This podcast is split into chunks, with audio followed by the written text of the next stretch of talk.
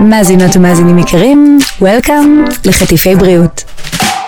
תוכנית שבועית שמטרתה לעורר בכם מחשבה ולפתוח את הראש לגבי הרגלי החיים שלכם. אני קרן האן גיימן, תזונאית, מאמנת כושר והמנחה שלכם. מבית אול אין, הבית של פודקאסטים. השבוע פגשתי את פרופסור איתן אוקון, שהוא ראש המעבדה על שם פול פדר לחקר מחלת האלצהיימר בפקולטה למדעי החיים, ומרכז גונדה לחקר המוח באוניברסיטת בר אילן. ישבנו ושוחחנו על המורכבות האמיתית שיש למציאת פתרון תרופתי או חיסון למחלת האלצהיימר ומחלות ניוון אחרות. עיקר השיחה שלנו הייתה על היתרונות המובהקים שיש למה שאנחנו אוכלים ואיך שאנחנו אוכלים, ובאופן כללי לאורך החיים שלנו, על המניעה או הקטנת הסיכון לפתח את אותן מחלות. אז אני יודעת, אפשר להרים גבה ולשאול בציניות, נו באמת, איך מה שאני אוכל או אוכלת ישפיע על הסיכון שלי לפתח מחלות שאין להן כרגע מרפא. אבל אם נסתכל רגע על המדע, יש משמעות אמיתית, וזה לב העניין בשיחה שלנו. אני אשמח גם אם תשלחו את הפרק הזה לכל חבר או חברה או קרוב או קרובת משפחה שיכולים ליהנות מהמידע הזה. בואו נתחיל. פרופסור אוקון, האם אנחנו יכולים להאט את הזדקנות המוח שלנו? הדוגמה אומרת שאת ההזדקנות אי אפשר באמת לעצור. אנחנו כן יכולים לנסות ולעצור תהליכים פתולוגיים שמתרחשים במוח. פתולוגיים, כלומר הם חורגים ממה שאנחנו קוראים לו ההזדקנות הטבעית של תאי המוח. זה סופר מעניין, וזו גם הסיבה שהגעתי עד אליך לבצע את ההקלטה הזו. אני חושבת שלמען הסדר הטוב, לפני שנבין מה הפתרונות, כן יש כאן מקום לעשות איזושהי הקדמה, כי בסופו של דבר ההקדמה, ממנה אנחנו ניקח את הדוגמאות. אז אולי רגע נבין בקצרה על איך המוח שלנו עובד, איזה אזורים במוח יכולים להיפגע, למה? המוח שלנו עובד באופן של אה, אה, חיווט בין אזורים שונים במוח. למשל, כאשר אנחנו נחשפים לקלט חושי, אני רואה איזושהי תמונה, אני שומע איזשהו קול, והמוח מבצע עיבוד ראשוני של המידע הזה באזור מוחי אחד, שולח אותו לאזור מוחי נוסף, ולאחר מכן מתקבלת איזושהי החלטה, האם אנחנו שומרים את המידע הזה לטווח ארוך, זיכרון ארוך טווח, או שאני מוציא בעזרתו מיד פעולה אחרת. מחלות ניוון עצבי שונות מאופיינות בכך שאזורי מוח שונים נפגעים, וכתלות באיזה אזור מוחי נפגע, כך באה לידי ביטוי התופעה הנוירולוגית. שזאת בניגוד אולי גם קצת דומה לנניח אה, חלילה פגיעה מוחית, שמשהו אה, חיצוני פוגע כמו תאונת דרכים, ששם באופן מאוד מובהק אנחנו יכולים אולי לראות אזור אחד שנפגע לעומת אזורים אחרים שעדיין מתפקדים. האם במחלה ניוונית אנחנו גם יכולים לצפות למשהו כזה, או שזו פגיעה שהיא יותר אה, רב-מערכתית נקרא לזה? זה בדיוק דומה, למשל אם אזור שנקרא היפוקמפוס נפגע במוח שלנו, סביר שאנחנו נחלה במחלה שתהיה דומה לאלצהיימר, mm-hmm. שמתאפיינת בחוסר יכולת אה, לק... לקודד זיכרון לטווח קצר, חוסר יכולת להתמצא במרחב, חוסר יכולת לזכור שמות. אה, אם הפגיעה תהיה באזורים שמקודדים תנועה או ויסות של תנועה, סביר שנציג אה, מחלה שדומה לפרקינסון. אז עוד רגע אנחנו נדבר על שינוי אורחות חיים, תזונה, כושר, כמובן, שיכולים לעזור. אז על איזה סוגים של מחלות ניווניות אנחנו אה, נדבר היום? המחלה שהכי נחקרה בהקשר של אה, שינויים אה, תזונתיים והשפעות של גיל והשפעות אפילו של מין, היא מחלת האלצהיימר, שגם משפיעה... ברור. כן, שגם... האם המלכה, מה שנקרא. שגם משפיעה על אה, רוב האנשים בגיל המבוגר, אה, כפונקציה של הגיל שלהם. עכשיו, לא רק בגיל המבוגר, יש גם early onset Alzheimer's בגילים צעירים יותר. זו אותה מחלה, או שזה משהו שהוא לגמרי נפרד? מחלה.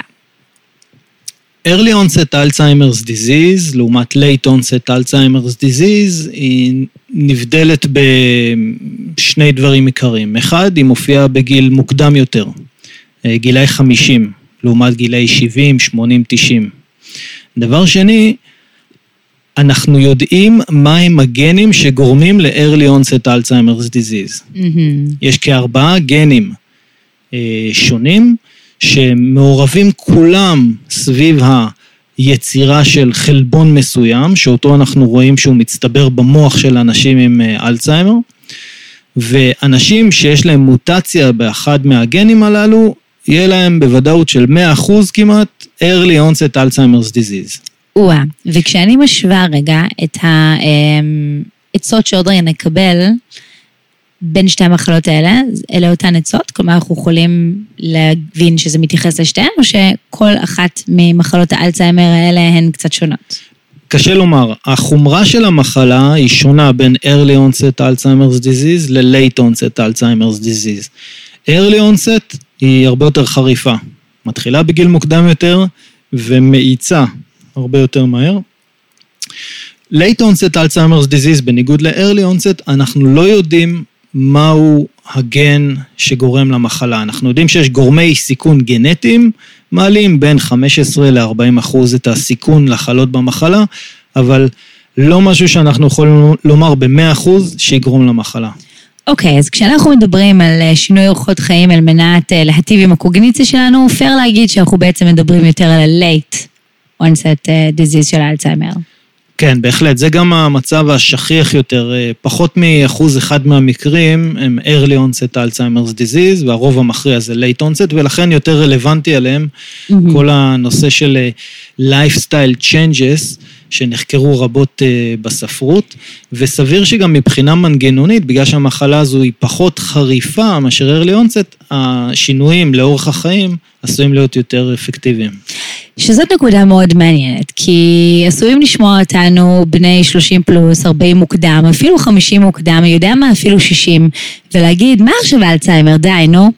ומצד שני, ברגע שמופיעים אה, תסמינים של האלצהיימר, מה שנקרא too late, it's there, אז דווקא כל הנושא של המניעה מתחילה בגיל שהוא יותר צעיר, ותכלס, ההמלצות שעוד רגע נדבר עליהן הן גם מטיבות באופן כללי עם אורח חיים בריא. אז דווקא עכשיו רלוונטי לדבר על העתיד. אז זאת נקודה מצוינת, היא סופר נכונה. היום אנחנו יודעים שהתהליכים הפתולוגיים במחלת האלצהיימר מתרחשים במוחנו כשני עשורים ואפילו יותר לפני הופעת הסימפטומים. וואו. כן. ואין דרך לעלות עליהם. Mm, לא דרך אפקטיבית כל כך, זאת אומרת אפשר לעשות את זה באמצעות הדמיה מוחית. Mm-hmm. באמצעות uh, מכשיר שנמצא בבתי חולים שנקרא PET. פוזיטרון אמישן טומוגרפי, מזריקים לך חומר אה, רדיואקטיבי, הוא נקשר לחלבונים הפגומים במוח ומהווה אינדיקציה בעזרת דימות מוחי לכך שיש תהליך של מחלה. אין כל כך דרכים אפקטיביות היום למדוד, אה, לעשות בדיקת דם ולומר, הבן אדם הזה יחלה בעוד 10-15 שנה. אני מניחה שיום אחד גם זה יגיע, אבל עד אז אנחנו נתעסק במה שאנחנו יודעים ולא במה שאנחנו מקווים שיקרה. כן. אגב, יש עוד מחלות אה, מוח ניווניות שיכולות להיכנס תחת ההמלצות שעוד רגע נדבר עליהן? שאם אנחנו נעשה את ההמלצות האלה, אז מה שנקרא, אולי נכסה גם אותן? המחקר לא מרחיב אה, הרבה בנוגע למחלות שהן לא מחלת האלצהיימר. מה שכן אנחנו יכולים אה, לומר זה ש... רוב מחלות הניוון העצבי הן למעשה מחלות הגירת חלבונים, ככה אנחנו קוראים להן, mm-hmm. משום שבכל אחת ואחת מהמחלות הללו, ואפשר למנות את אה, כמובן מחלת האלצהיימר, פרקינסון, אה, דמנציה פרונטלית, הנטינגטון, ALS, כל המחלות הללו הן מחלות שבבסיס שלהן יש הצטברות אה, של חלבונים במוח. אה, זה רק מאפיין, זה לא אה, הדבר היחיד שגורם לנזק במוח. למעשה, מה שגורם בפועל לנזקים במוח הם קצת יותר מורכבים, צריך לדבר עליהם ב...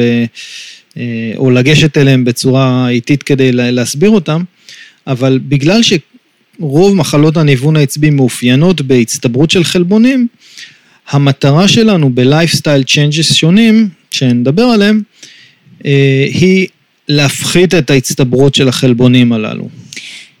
אני יודעת כאן שבמעבדה שלך אתם גם חוקרים אה, תרופות פוטנציאליות, חיסונים פוטנציאליים, אה, שאולי במשפט נבין רגע למה הם יכולים לקרות, אבל בוא נגיד, אה, לא רוצה להגיד לא אופטימיים שזה יקרה בקרוב, אבל מה, מה המורכבות במציאת אה, תרופה או, או חיסון? יש בעיקר מורכבויות בנושא הזה. מה שקורה בפועל זה שיש הצטברות אבנורמלית של חלבונים במוח. ונשאלת השאלה, למה למעשה מערכת החיסון שלנו לא מסוגלת להתמודד עם ההצטברויות הללו? בעיקרון זה אחד מתפקידיה של מערכת החיסון. מסתבר שמערכת החיסון עוברת הפעלה אה, כרונית, ממושכת, במהלך, כמו שאמרתי, עשורים של החיים שלנו, אה, לקראת ההזדקנות. והיא למעשה עוברת תהליך של אה, אה, ניטרול, היא הופכת להיות פחות ופחות יעילה. Mm-hmm. והמטרה של, או אחת המטרות של חיסונים היא, א', להפעיל מחדש את תאי מערכת החיסון במוח שלנו, ולגייס תאי מערכת חיסון מהפריפריה של ה... אנחנו קוראים פריפריה לכל מה שהוא לא במוח. אז אנחנו מגייסים תאי מערכת חיסון מהפריפריה, ככה זה במדעי המוח. מה שלא נמצא במדעי המוח נחשב פריפריה. בדיוק. אז אנחנו מגייסים אותה מהפריפריה, שמה זה פריפריה בשפה יותר פשוטה, באזורים שונים כל בגוף. מה שמחוץ למוח, אה, זרם הדם שזורם לנו, אה, רקמות חיסוניות. תאי אה, חיסון אורחים מיתר מקומות בגוף. אז הסיבה שקוראים לזה פריפריה היא בין היתר בגלל שבמוח עצמו במצב נורמלי לא מסתובבים הרבה תאי מערכת חיסון. Mm. אה, הם בעיקר מצטברים בקרום המוח, mm-hmm. ב meninges, מה שנקרא. ו... אבל גם נמצאים, גם מגיעים מה... מזרם הדם. אוקיי. Okay. אז המטרה של חיסון היא לעורר תאי מערכת חיסון מהפריפריה, ולעורר את התאים החיסוניים שנמצאים במוח, ולגרום להם כן להתמודד עם אותן הצטברויות חלבוניות. עכשיו, לאחרונה, בשנתיים האחרונות יותר נכון, אושרו שלוש תרופות על ידי ה-FDA האמריקאי, mm-hmm. Food and Drug Administration, והתרופות הללו הן למעשה נוגדנים. נוגדנים הן מולקולות שמערכת החיסון יודעת לייצר כנגד מטרה מאוד מסוימת. אז אה, חברות פארמה יודעות לייצר נוגדנים כאלו, והן עשו ניסויים קליניים שבהם הן הזריקו נוגדנים כנגד החלבונים שמצטברים במוח, ובדקו האם ההצטברות פוחתת במוח, והאם יש שיפור קוגניטיבי. אז האם הטיפולים הללו היו אפקטיביים בהורדה של כמות החלבונים המצטברים במוח? כן, חד משמעי. Mm-hmm. האם הטיפולים הללו שיפרו את היכולת הקוגניטיבית? בצורה מאוד מאוד מאוד מינורית. Mm. יש עוד חיסרון לסוג הזה של התרופות שאושר לאחרונה. הגוף שלנו מייצר תגובה חיסונית כנגדם. זאת אומרת, אף על פי שהחברות הללו, חברות הפארמה, יצרו נוגדן שהוא כביכול נוצר בגוף של בן אדם, והזריקו אותו לגוף שלנו, עדיין הגוף שלנו מייצר תגובה חיסונית כנגדו. משום שהוא לא במאה אחוז דומה לנוגדן שהגוף שלנו היה מייצר. אז אנחנו נמצאים במצב שבו יש לנו תרופות שהן עשויות להיות יעילות לכמה שנים, עד שהן לגמרי לא יעילות בגלל התגובה החיסונית, או שאנחנו יכולים לגרום לגוף לייצר את הנוגדנים הללו. זה למעשה ההבדל בין מה שאנחנו קוראים לו חיסון סביל לחיסון פעיל. או שהגוף מקבל מבחוץ נוגדנים, או שהגוף מייצר בעצמו את הנוגדנים. אוקיי, okay. ואז בעצם אנחנו אומרים שזו בעצם המורכבות. מצד אחד אנחנו רוצים לעורר את מערכת החיסון, או להזריק חיסונים מבחוץ, מצד שני אנחנו יודעים שהתגובה של הגוף היום היא עדיין לא איפה שאנחנו רוצים שהיא תהיה, אם אני מבינה נכון. זאת אחת המורכבויות. כמו שאמרתי, יש הרבה מאוד uh, מורכבויות. אז זו המור... דוגמה לאחת מהמורכבויות, אם כן. נשים את זה רגע בכותרת. המורכבות השנייה היא שההצטברות הזו של החלבונים מתרחשת מספר עשורים לפני הופעת הסימפטומים.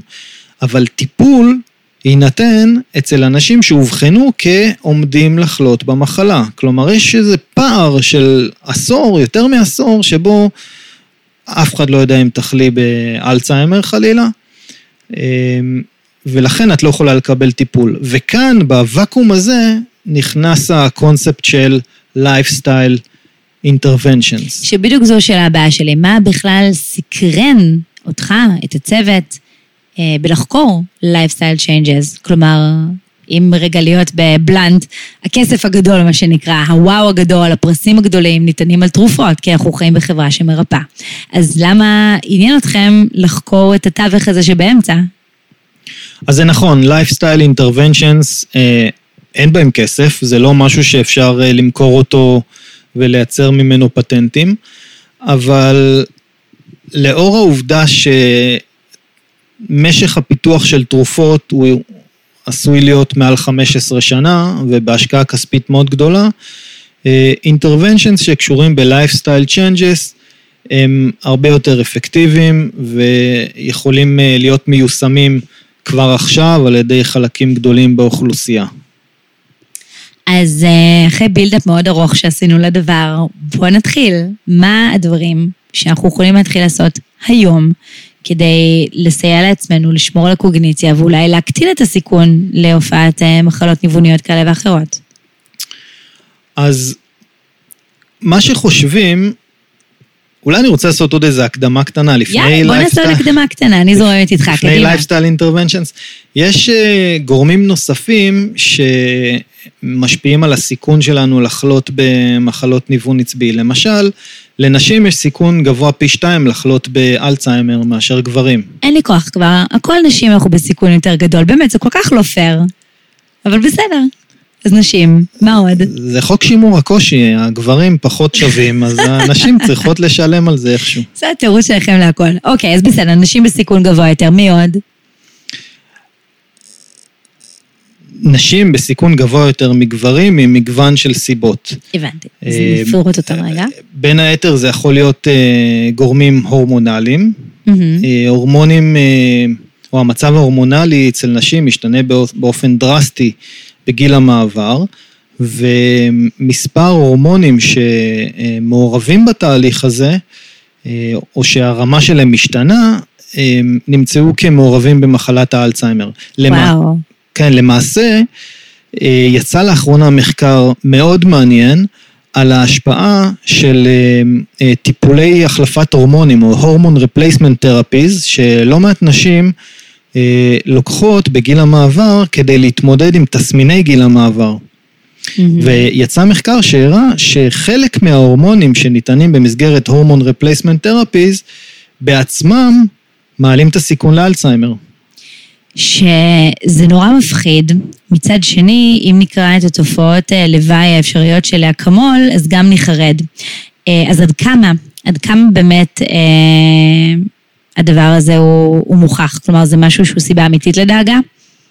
כן, אני חושב שצריך לקחת בחשבון את המחקרים, זה יותר ממחקר אחד, אה, לא מעט מחקרים שמראים על קשר בין אה, טיפולי, אה, טיפולים הורמונליים להתמודדות עם תסמיני גיל המעבר אה, והסיכון של האלצהיימר. אז, אז זה דבר אחד. דבר, דבר נוסף זה תחום מחקר שאנחנו חוקרים במעבדה, וזה ההשפעה של הריונים עוברים עם תסמונת דאון על הסיכון של אימהות לחלות באלצהיימר. וואו, שהאם ההרה של העובר שלה יש תסמונת דאון, האם היא נמצאת בסיכון גבוה יותר לאלצהיימר? כן, אז היא נמצאת בסיכון גבוה פי חמש לחלות באלצהיימר. למה? זה מה שאנחנו חוקרים במעבדה, ואנחנו חושבים... בעוד כמה שנים ותיתן לי תשובה, אבל מה מה ההשערה? כן, אנחנו חושבים ש... מה שקורה בכל הריון, הריון רגיל, יש מעבר של תאים וחלבונים מהעובר אל האם. התאים הללו יכולים להישאר בגוף שלהם משך מספר שנים. ובהיריון עם תסמונת דאון, בהיריון עם עובר עם תסמונת דאון, המעבר הזה של התאים מהעובר לאם הוא גדול פי שש מאשר הריון רגיל, ואנחנו חושבים שהתאים שעוברים מהעובר אל האם, הם תאים שמכילים בתוכם אה, פקטורים, חלבונים, שעלולים להתחיל תהליך של מחלה אצל האם. ואנחנו מוצאים במוחות של האימהות אה, תאים עובריים שמשפיעים על התפקוד של המוחות של האימהות. וואו, וזאת בגלל שאנשים עם תסמונת דאון הם בעלי סיכון גבוה יותר לפתח אלצהיימר בעצמם? בדיוק, בדיוק. הם מבטאים בעצמם, מה גורם לתסמונת דאון? יש להם עותק נוסף של כרומוזום 21, שמקודד או ממנו מיוצר חלבון שגורם לאלצהיימר מסוג early onset Alzheimer's disease, שדיברנו Mm. עליו קודם.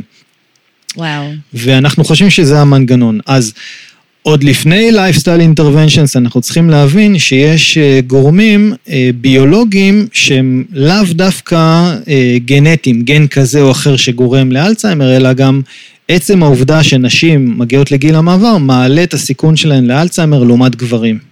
יש עוד אוכלוסיות שנמצאות בסיכון מוגבר, או שבאמת אמ, זה ממוקד בנשים ובקבוצות שעכשיו הזכרנו? נשים, אנשים עם תסמונת דאון, חולים באלצהיימר בגיל אה, מאוד מוקדם, אה, זה פחות או יותר הקבוצות. אמ, שוב, אני לא יודעת ספציפית לגבי אלצהיימר, אבל כן יש גם קשר בין אורח חיים מאוד מאוד לא בריא להעלאת הסבירות לדמנציה. כלומר, אכילה של מזון אולטרה מעובד וחוסר תנועה. מה דעתך על זה? זה לכל הגורמים- שקשור? לכל הגורמים הללו אנחנו קוראים גורמים סביבתיים. אה, סטרס. אה, כשאני אומר סטרס אני מתכוון לסטרס כרוני. אנחנו נמצאים שנים על גבי שנים בסטרס. אה, פגיעה בשינה, מחסור בשינה הוא גורם מאוד משמעותי להחרפה של מחלות ניוון עצבי. אה, וכמובן הנושא של תזונה. הנושא של תזונה הוא מאוד מורכב להבין אותו, הוא גם נושא די טעון בגלל ההקשרים של אה, מזון טבעוני לעומת לא טבעוני, אה, מזון מעובד לעומת לא מעובד. אה, זה ממש נכון, אני כשהתחלתי ללמוד תזונה לפני מעל עשור, אז שאלו אותי, מה תעשי עם זה? והיום התשובה היא שכולם מתעסקים בתזונה, וזה נראה כמו הדבר הכי גדול, כמו שאתה אומר, מטרנדים עד לגישות שונות שיש להן מטרות אה, תמיכה ברפואה וכולי וכולי. אז כן, זה באמת נושא שהוא גדול, אבל היום אנחנו באומץ רב נתקוף אותו. זה אחד הנושאים המרתקים, אבל הוא גם אחד הנושאים הקשים, משום שבעוד שאנחנו במעבדה יכולים לשלוט בצורה מאוד טובה על מה עכברי המעבדה שלנו צורכים מבחינת מזון, בבני אדם זה לא אה, בדיוק המצב. תזונה זה בעצם החלטה שאנחנו מקבלים בכל רגע, בכל שנייה ביום. הציעו לי ביס מעוגה, זה תזונה. בחרתי לשתות תה ולא מים, זו תזונה. אנחנו יוצאים לבלות, זה סביב אוכל. משתעממים, זה גם סביב אוכל. זאת אומרת שבעצם כל החלטה שאנחנו מקבלים לגבי מה אנחנו מכניסים לפה שלנו ברגע נתון, זה למעשה תזונה. ואז באמת זה הופך את הדברים להיות יותר מורכבים. גם הרבה פעמים אנשים, לא שמים לב למה הם אוכלים בכלל. נכון, המרכיב הפסיכולוגי הוא מאוד מאוד משמעותי בהחלטות שלנו לגבי מה אנחנו אוכלים, מתי אנחנו אוכלים, כמה אנחנו אוכלים. אז אם אנחנו צריכים רגע להתחיל ולהיכנס ל-lifestyle changes שעליהם דיברנו קודם, מה נקודת ההתחלה? מה עושים, בש... אני עכשיו שומעת את הפודקאסט הזה, ואני מאוד מעוניינת אה, לדחות את הסיכוי שלי אה, לחלות במחלה אה, ניוונית. מאיפה מתחילים? איך ניגשים לדבר הזה? בראייה שלי, קודם כל צריך להבין איך צריכת מזון או איך מזון משפיע על הפעילות המוחית שלנו. קדימה. אז יש קומפלקס חלבוני, כשאני אומר קומפלקס חלבוני, הכוונה למבנה חלבוני מורכב בתוך כל אחד ואחד מהתאים שלנו. מהמם. לקומפלקס הזה קוראים mTOR, M-T-O-R. הקומפלקס הזה, הקומפלקס החלבוני הזה אמון על לתת או ליישם פעילות תאית בכל אחד ואחד מהתאים שלנו כפונקציה של חס... זמינות של נוטריאנטים. שנוטריאנטים זה רכיבי מזון, אבני הבניין של המזון. כן, המקרו-מולקולות, מה שאנחנו קוראים, חלבונים, שומנים, סוכרים. אז מה שקורה כאשר אנחנו, כאשר התאים שלנו נחשפים לנוטריאנטים, כמו שאמרתי, סוכרים, שומנים, חלבונים, זה מהווה אות עבור התאים שלנו, שהם יכולים לעשות, אה, לבצע פעולות של בנייה. התא יכול לבנות את עצמו, הוא יכול אה, אה, לבזבז במרכאות אנרגיה על כל מיני פעולות תאיות, וזה כל עוד יש לנו זמינות של נוטריאנטים. אבל מה קורה כאשר יש לנו מחסור בנוטריאנטים? או במילים אחרות, התא נמצא בהרעבה. על פניו, אם אתה שואל אותי באופן אינטואיטיבי, ואני אעשה עכשיו כאילו לא עשינו שיחה מקדימה, ואני כאילו לא יודעת, אה, הייתי אומרת, אוקיי, זה יכול אולי לפגוע ביכולות הקוגניטיביות. למשל, אם אני לא אוכל ולא תהיה לי פחמימה זמינה למוח, אולי יכולות הריכוז שלי ייפגעו, אולי היכולת שלי אה, להיות ערנית תיפגע. אז לא מדויק, וזה בעצמו נושא מאוד, אה, מאוד טעון. קודם כל, אנחנו צריכים, צריכים להבין שהגוף שלנו יודע לשמור על רמת סוכר קבועה בכל רגע נתון. אנחנו לא צריכים לאכול כל הזמן, וזה אגב הבדל בינינו לבין עכברים. אם את לוקחת עכבר מעבדה ומונעת ממנו מזון לשלושה ימים, העכבר מת. וואו. בני אדם, לעומת זאת, יכולים להחזיק חודש בלי לצרוך מזון, והם יחיו, אבל ינצלו את מאגרי האנרגיה ארוכי הטווח, בעצם השומן שלנו, mm-hmm. כדי להפיק אנרגיה ולשמור על תפקוד קוגניטיבי. כן, כי גוף יודע לקחת שומן, להכניס אותו לאיזשהו מעגל ולהוציא החוצה משהו שדומה יחסית לפחמימה ויכול לשרת גם את המוח, נכון? גופי קטו. כן, לדבר הזה קוראים גופי קטון, וזה הבסיס לאולי מושג שחלק מהאנשים מכירים, שנקרא דיאטה קטוגנית. דיאטה קטוגנית זה קונספט שהגיע מתוך אה, הבנה שאנשים בגיל השלישי, שמאופיינים בכך שיש להם ירידה ביכולת לנצל סוכר על ידי תאי המוח, על ידי תאי העצב.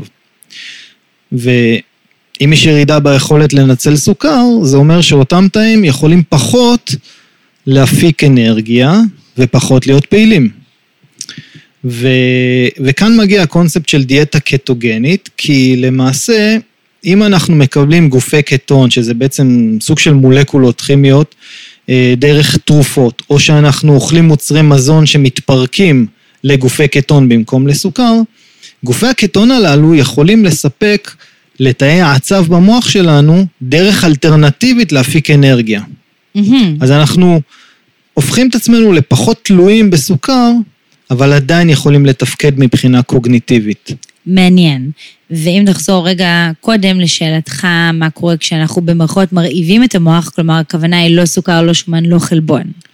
מה שקורה כאשר אנחנו נמצאים בהרעבה, הגוף יודע לעשות איזשהו אה, שינוי בניצול של מאגרי הדלק שלו במרכאות, ועובר מניצול של סוכרים על ידי רקמות הגוף שלנו לרבות המוח, לניצול של שומנים שאותם הוא מפרק ומשיג מהם אה, בסופו של דבר גופי קטון, כולל גם פירוק של חלבונים.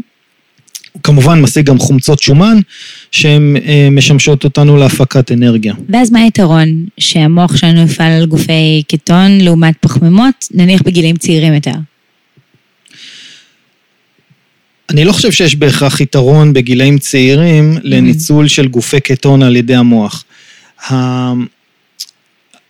יש אה, נקודה נוספת שהיא כן רלוונטית, והיא חוזרת לקומפלקס של אמטור שדיברנו עליו. אז קומפלקס האמטור הוא למעשה סנסור תאי לנוטריאנטים, כמו שאמרתי. עכשיו, ברגע שהוא לא מרגיש שיש נוטריאנטים בסביבה התאית, קורה דבר מאוד מיוחד.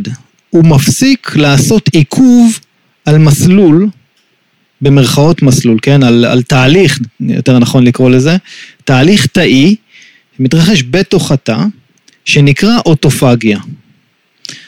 תהליך האוטופגיה הוא תהליך שלמעשה עוזר לתאים שלנו לעשות מחזור של התכולה שלהם. Mm-hmm. ולמה התהליך הזה חשוב? הוא חשוב משום ש...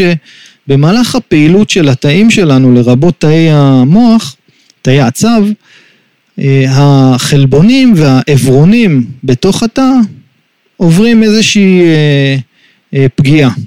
בסדר? Mm-hmm. במיוחד חשוב מבין כל העברונים שמתרוצצים אצלנו בתוך התאים, עברון שנקרא מיטוכונדריה. מיטוכונדריה זה העברון שמייצר אנרגיה אצלנו בתאים. כאשר יש הצטברות של אותם עברונים שהם פגומים, היכולת של התאים שלנו לייצר אנרגיה פוחתת. במצב הזה חשוב כן להפעיל את תהליך האוטופגיה כדי שיבצע מחזור של העברונים הללו ויאפשר יצירה שלהם מחדש. התהליך הזה אפשרי אך ורק כאשר התאים נמצאים במצב של הרעבה. וואו. כן. מהי הרעבה? יום לא לאכול, שעה לא לאכול, חודש לא לאכול. אז במהלך השנים, זה כבר נחקר די הרבה זמן, אופיינו מספר אה, פרוטוקולים לצום, מה שנקרא. הצום לסירוגין. צום לסירוגין, גם כן מושג שאפשר לחלק אותו לכמה, לכמה גרסאות. אולי המוכרת ביותר היא מה שנקרא 16-8. 16... בהחלט. כן, 16 שעות של צום, 8 שעות של אכילה. אני חושבת שזו גם הדיאטה שהכי אה, קלה ליישום לעומת פרוטוקולים אחרים שדורשים מאיתנו יום אה, צום כמעט מוחלט, או מעל ל-20 שעות של צום. אולי גם בגלל זה זה מאוד תפס. נכון, אבל יש אפשרות שהיא גם הכי פחות יעילה מבין אה, דרכי הצומות השונים. בעניין הקוגניטיבי. בעניין הקוגניטיבי. דרך אה, נוספת או אלטרנטיבה או וריאנט אחד של צום לסירוגין הוא יום כן לאכול, יום לא לאכול. מה שנקרא every other day fasting. שיש גם פרוטוקולים שמדברים על אכילה מינימלית של כ-500 קלוריות ביום של הפסטינג. כן, פה אנחנו אה, נכנסים למושג נוסף שנקרא caloric restriction. אבל תכף אני אגיע אליו. אז, אה, אז אמרנו עד עכשיו שיש 16-8 ויש every other day ויש גם אה, פרוטוקולים של אה, חמישה ימים לאכול, יומיים לא לאכול רצוף, כלומר 48 שעות, וההיגיון מאחורי משך צום ארוך יותר הוא שרוב המחקרים בתחום הזה נעשו בעכברים. ו...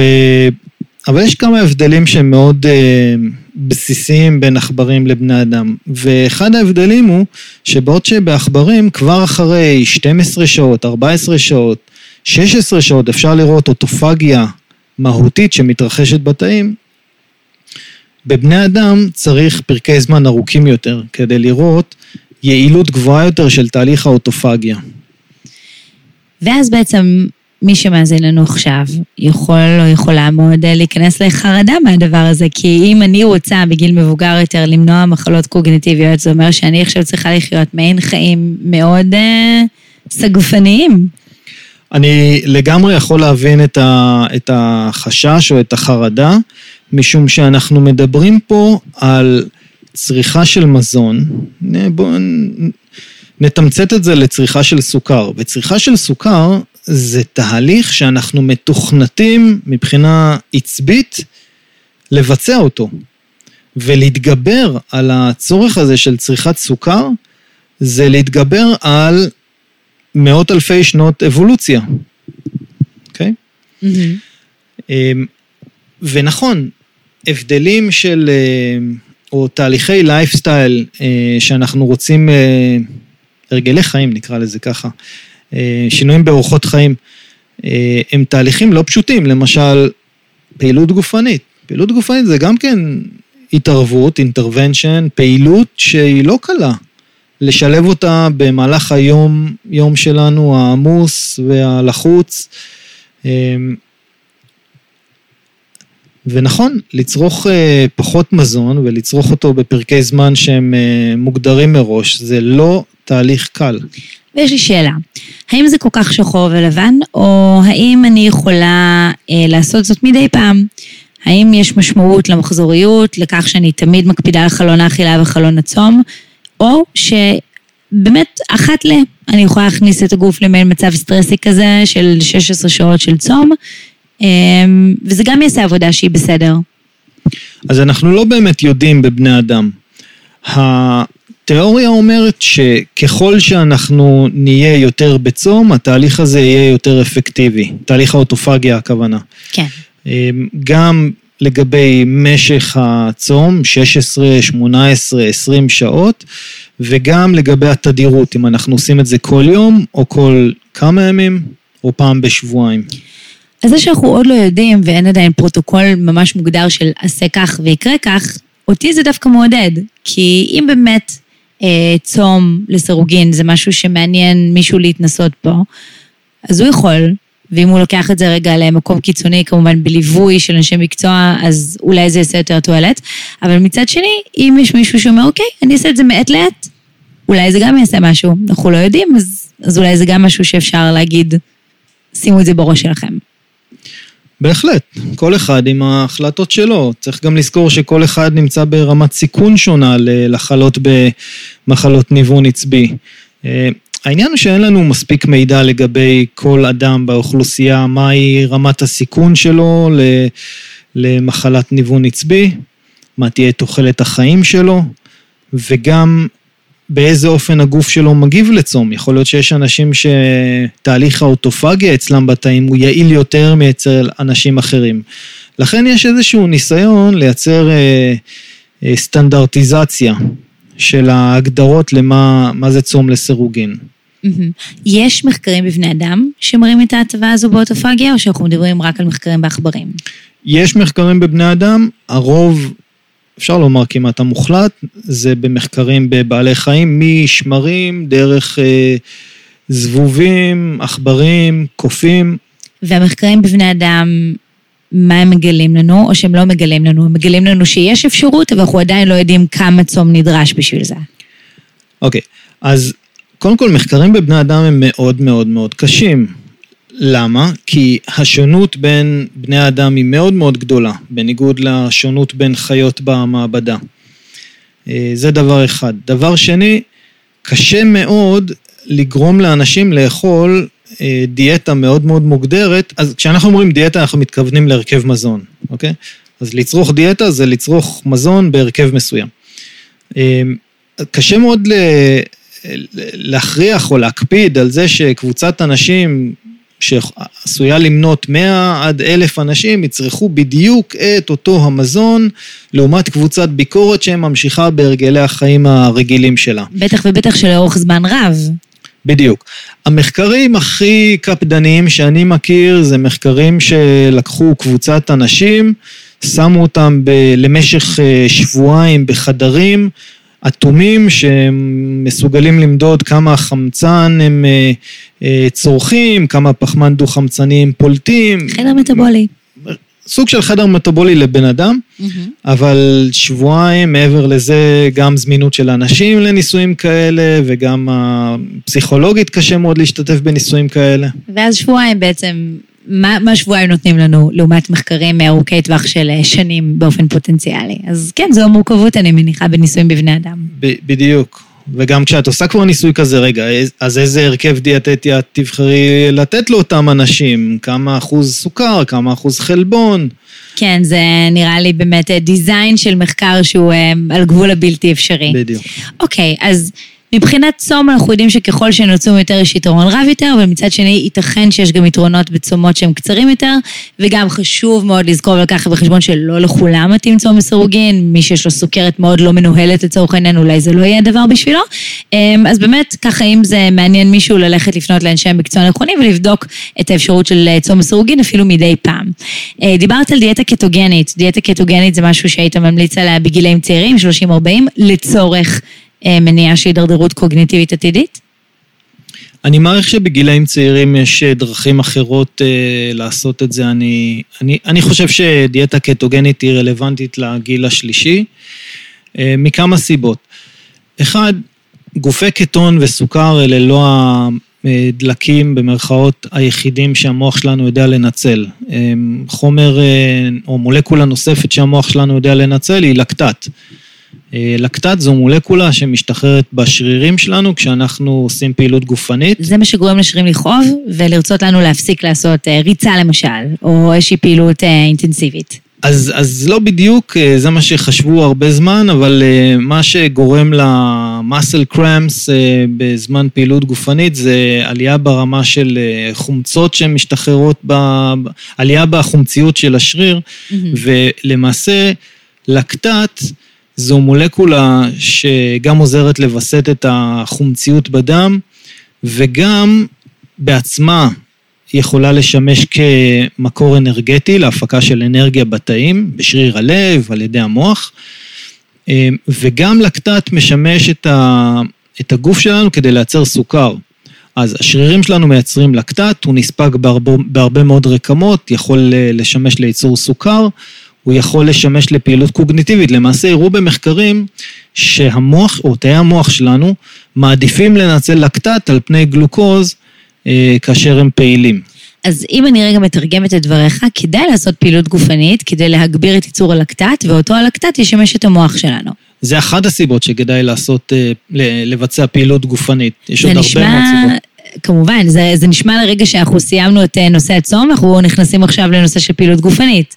למעשה בשביל- פעילות גופנית בעצמה מעודדת את תהליך האוטופגיה, שהזכרתי אותו קודם. גם בלי צום? למעשה יראו שבעוד שבעכברים אפשר אה, לגרום לעכברים גם לצרוך פחות מזון וגם לבצע פעילות גופנית ולדבר הזה יש השפעה מיטבית עוד יותר על תהליך האוטופגיה, בבני אדם יראו שלא צריך לבצע גם פעילות גופנית וגם צום כדי אה, להתחיל את תהליך האוטופגיה, אלא או זה או זה, זה בהחלט מספיק. שזה באמת מדהים, כי אם מישהו לא מתחבר לצום, הוא יכול ממש להמשיך ולהאזין, כי עכשיו אנחנו משכנעים למה לעשות פעילות גופנית. ואז נשאלת השאלה, איזו פעילות גופנית עדיפה, אם אנחנו יודעים. אז, אז זה לא רק אה, אם מישהו לא מתחבר לצום, זה גם... אה, שני הדברים יכולים להתנגש, זאת אומרת, כתלות באיזה איזה סוג של פעילות גופנית ובאיזה עצימות, זה יכול קצת להתנגש עם צום, נכון? כי סוגי פעילות גופנית אה, מסוימים אה, דורשים אה, צריכה של יותר חלבונים ובפרק זמן ממושך, לכן מבחינתנו כבני אדם שמעוניינים לעודד את תהליך האוטופגיה, בימים שאנחנו לא מבצעים פעילות גופנית, בהחלט צום לסירוגין זה פתרון אחד, בימים אחרים שאנחנו עושים פעילות גופנית אה, אינטנסיבית, זה בהחלט מספק. שזאת נקודה שאני מאוד uh, שמחה שאמרת, כי באמת לפני uh, כמה שנים היה מעין הייפ מאוד גדול על כל הנושא של uh, אימון על קיבה ריקה, כדי uh, למנוע מהגוף פחמות זמינות ולהניע אותו יותר לכיוון של פירוק שומן לצורך הרזייה. ואז באמת הגיעו, ובאמת מיטב החוקרים בעולם גילו שהדבר הזה לא משפיע על השומן הפריפרי. כלומר, כן, הגוף ינצל יותר שומן כשאנחנו מתאמנים על קיבה ריקה, אז זה לאו דווקא יעזור לנו לרזות. אז עכשיו בעצם אתה מגיע ואומר, אפילו מחזק את הדברים שרצוי לא לעשות צום יחד עם פעילות גופנית, אלא או זה או זה, מבחינת שימור קוגניציה. אז... אז, אה, אז, אז אה, רק אה, איזשהו דיוק, אה, אני לא אומר שרצוי לא לעשות את זה, אלא למשל בגיל המבוגר, אם אתה אה, נמצא במצב קטוגני, אה, כלומר אתה כן שורף שומנים באופן פנימי בגוף שלך, אתה יכול לסייע קוגניטיבית, אוקיי? אה, זה, זה, זה מה שהיה לי להגיד בנושא הזה. מהמם. אז בעצם אנחנו יכולים לבחור או צום או פעילות גופנית, ואם אנחנו בימים של, אנחנו לא צמים, שם דווקא נשים את הפעילות הגופנית, כי גם הפעילות עצמה תהיה טובה יותר כשיש לנו נוטריאנטים זמינים לתדלק אותה.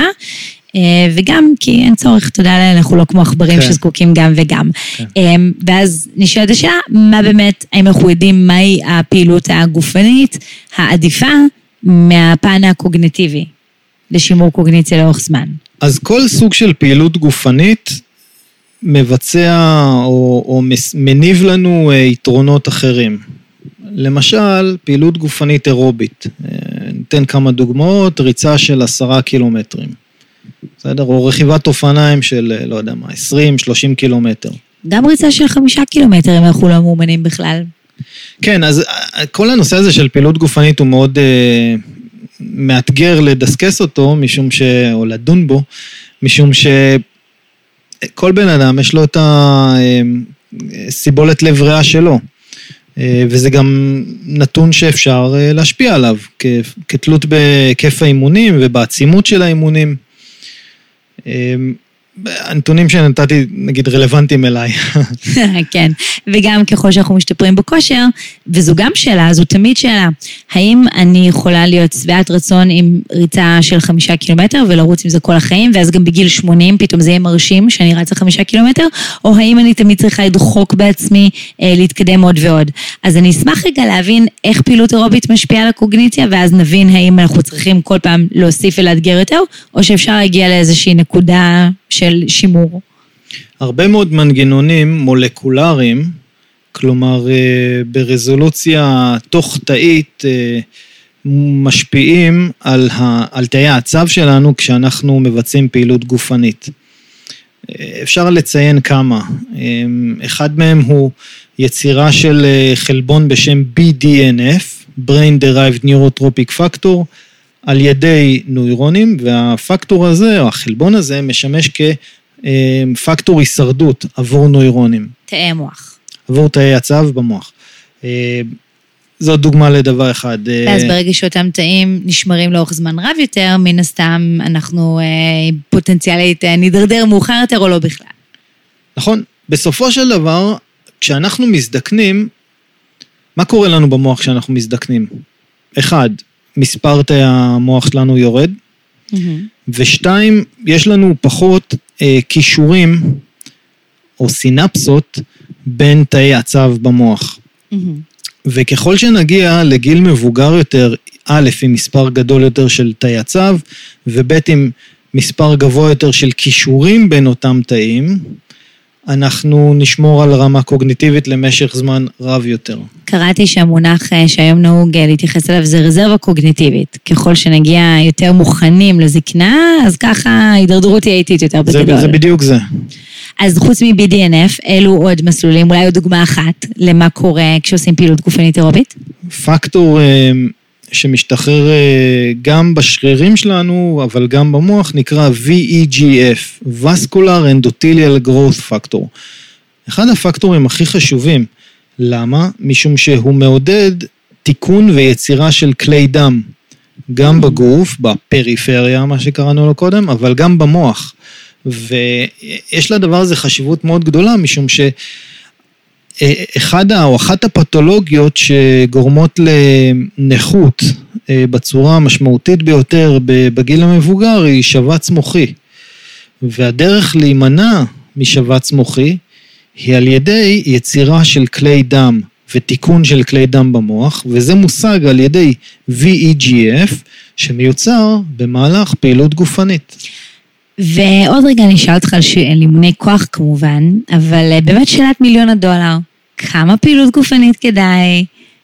ואני שוב אומרת את זה בנימה כזו, כי, כי אני מניחה שאנחנו לא יודעים. קשה מאוד אה, לומר, אה, מהסיבות שאמרתי קודם, יש שונות בין, בין אנשים שונים ויש גם נטייה לפציעות וכולי וכולי. יש, מה שאני כן יכול לומר זה שיש מחקרים שמראים שיש איזושהי עקומת, אה, אה, איך נקרא לזה? עקומת אה, או פעמון או עקומת U, Mhm. אה, תלוי איך רוצים להסתכל על זה, שאומרת מצד אחד, אפס פעילות גופנית תורם לתחלואה ומעלה סיכון למוות מכל מיני סיבות, ויותר מדי פעילות גופנית עושה את אותו דבר. גורם, מעלה את הסיכון שלנו לתמותה מכל מיני סיבות לא באופן מאוד ספציפי. ולכן יש איזשהו אה, תחום אה, אמצע שבו כדאי להיות, שבו אנחנו מבצעים פעילות גופנית, אבל היא לא אה, מוגזמת מדי. אני חושבת שסביר להגיד ככה, שמה שמאפיין פעילות גופנית אירובית זה דופק שהוא אה, גבוה מדופק מנוחה במידת מה ולאורך זמן. זה, זו הגדרה הכי גסה לפעילות גופנית. אז כל עוד האירובית, אז כל עוד הפעילות האירובית שלי מעניקה לי את זה, סביר שאני במקום הנכון.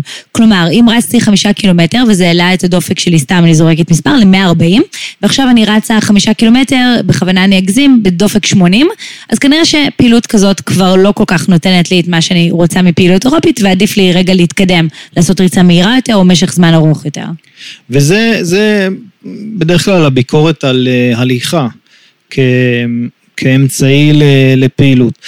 עכשיו, יש מחקרים שמדדו מהו מספר הצעדים שהממוצע שאנשים אה, עושים ומה המתאם של זה למחלות, או לתמותה ממחלות אה, מעניין. שונות, כן.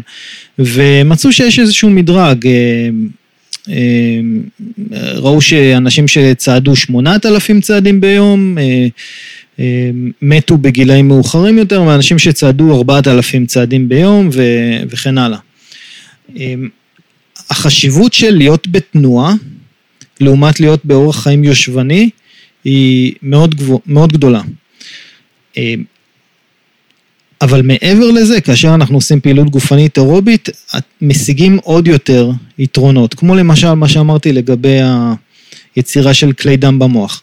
אבל יש עוד סוגי פעילויות, כמו למשל אה, תרגילי כוח, שעוזרים לנו לייצר שרירי ליבה חזקים יותר, והדבר הזה בעצמו עוזר לנו לשמור על יציבה טובה יותר, ולהימנע מנפילות בגיל השלישי, בגיל המבוגר. ואז השאלה המתבקשת היא, מה הקשר בין נפילות לבין שימור קוגניציה?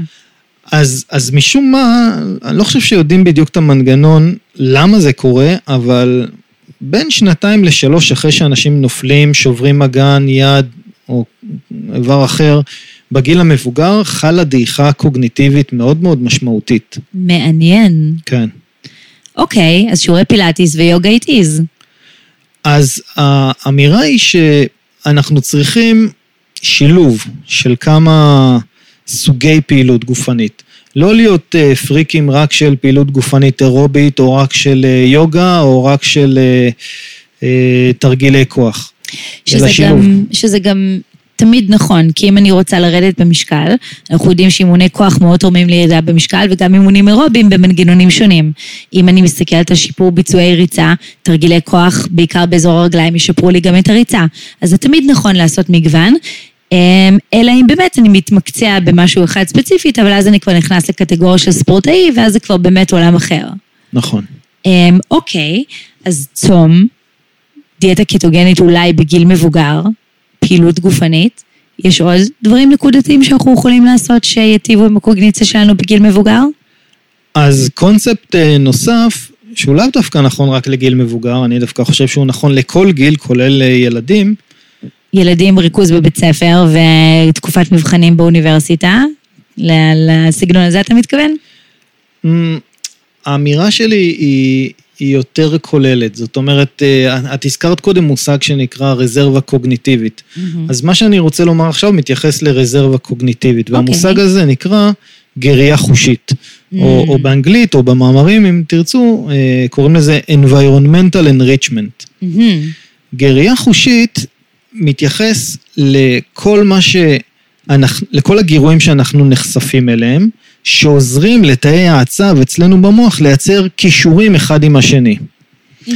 בסופו של דבר, מה זה יכולת קוגניטיבית? יכולים להיות לנו אה, לא 100 מיליארד תאי עצב כפי שיש לנו כיום במוח של בני אדם, אלא תכפיל את זה פי 100, אבל בלי כישורים בין אותם תאים, בלי חיבורים, mm. אנחנו לא יכולים לעשות כלום. אז עם אותם 100 מיליארד תאי עצב שאנחנו נולדים איתם, אנחנו צריכים לוודא שיהיה כמה שיותר כישורים אפקטיביים, אני תכף אגיד מה זה אפקטיבי, בין התאים הללו, כדי שנוכל לייצר זיכרונות. בסדר? עכשיו, מה מייצר את אותם uh, כישורים? כישורים בקוף. Mm-hmm. Uh, חשיפה לגירויים. מה זה גירויים? גירויים ויזואליים, גירויים uh, אודיטוריים, כלומר קול, אה, גירויים של ריח, גירויים של מגע, אה, גירויים של אינטראקציות חברתיות. מה עוד? עכשיו, כל הדברים הללו מייצרים קשרים בין נוירונים, אבל אם אנחנו לא ממשיכים לתחזק את אותם גירויים, את אותם קשרים על ידי אותם גירויים, אנחנו נאבד אותם. משום שהמוח שלנו כל הזמן עסוק בתהליך של אה, חיזוק של סינפסות קיימות שאנחנו צריכים אותן, לבין פירוק של סינפסות שאנחנו לא צריכים אותן. זאת אומרת שלא מספיק להיות אה, ילדים שהם מתפתחים והולכים לים ונמצאים בדשא ומקריאים להם ספרים ונותנים להם משחקי התפתחות, אלא גם כמבוגרים אנחנו צריכים להמשיך עם אותם גירויים, שאם רגע נפשט אותם, אני מניחה שזה פעילות ולהיות בתנועה, קריאה של ספרים, נכון, תשביצים סודוקו, כל הדברים האלה שלפעמים מבוגרים עושים ואנחנו עלולים כזה טיפה להסתלבט עליהם. אז כל הדברים האלה הם מאוד מאוד מייצרים את אותה גריה חושית גם בגילים מבוגרים יותר. אז אה, קודם כל נכון, אני רוצה לדייק אבל. בשביל זה אני כאן. אוקיי, דייק אותי. אז אני רוצה לדייק ולומר שהחשיפה לגירויים צריכה להיות אפקטיבית. לכן קודם אמרתי אפקטיבית, ואני עכשיו רוצה להסביר מה זה אפקטיבית. אה, נניח את נחשפת ל... נניח אני שם עליך משקפי virtual reality. או, נניח, כל הילדים היום זה מה שהם עושים. איזה משפט של זקנה יצא לי, וואו. הם עדיין לא בווירטואל ריאליטי, זה עדיין יקר מדי, כן, המכשיר החדש של אפל נגיד. אוקיי. אבל, אה, אבל אני, אני אומר משקפי וירטואל ריאליטי, כי בווירטואל ריאליטי אני יכול מציאות מדומה, virtual reality, אני יכול אה, לדמות לך מצב שבו את נחשפת לתבנית של אה, צבעים בכל מיני תצורות, וזה סוג של גירוי. אבל הגירוי הזה, את לא יכולה לעשות איתו שום דבר. את לא יכולה לבשל איתו. את לא יכולה אה, לדבר עליו עם אנשים אחרים.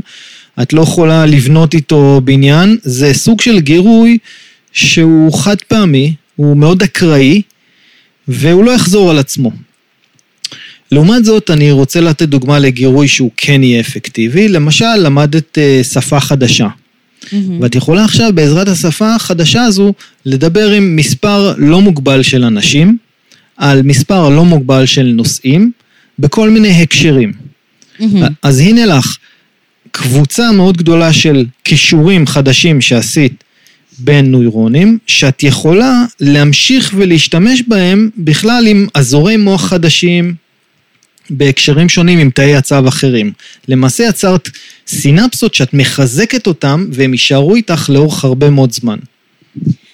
אז אה, אם אני אומרת, מתרגמת בזהירות, פחות מסכים ופחות גירויים שבהם אנחנו פסיביים, ויותר גירויים אולד סקול, ללמוד דברים, לפגוש אנשים. נכון מאוד, נכון מאוד.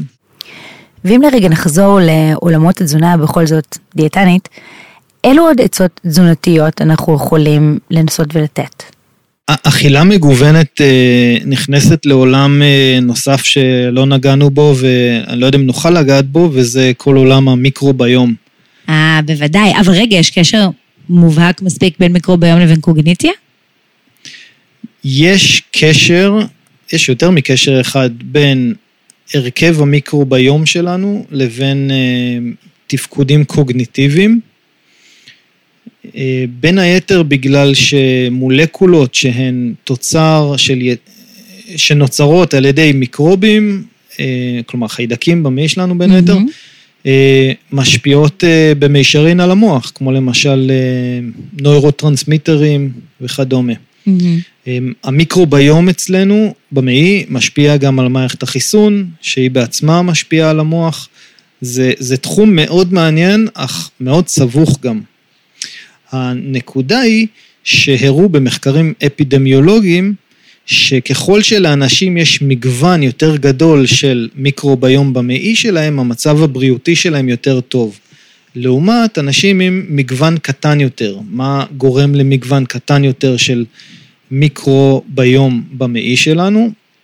אכילה של אה, מוצרי מזון מאוד, אה, מאוד בסיסיים באופן שחוזר על עצמו.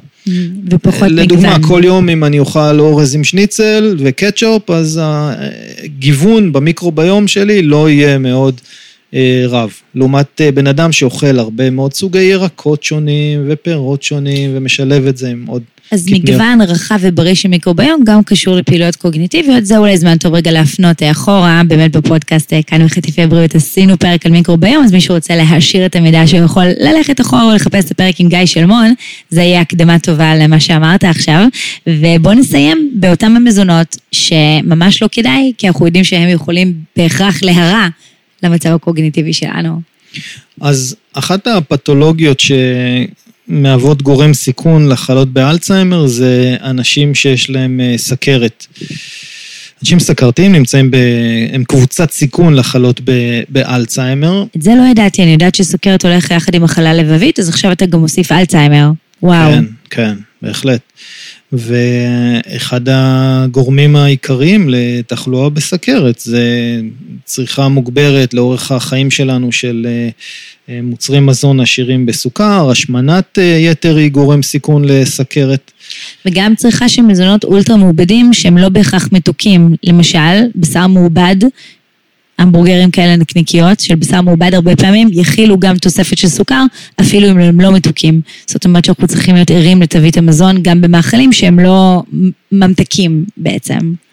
כן, טוב, זה, זה בתחום שלך יותר, פחות בתחום שלי. כן, נתתי קצת מעצמי, אני מודה. אוקיי, אז סוכרת, יש עוד אה, מאכלים?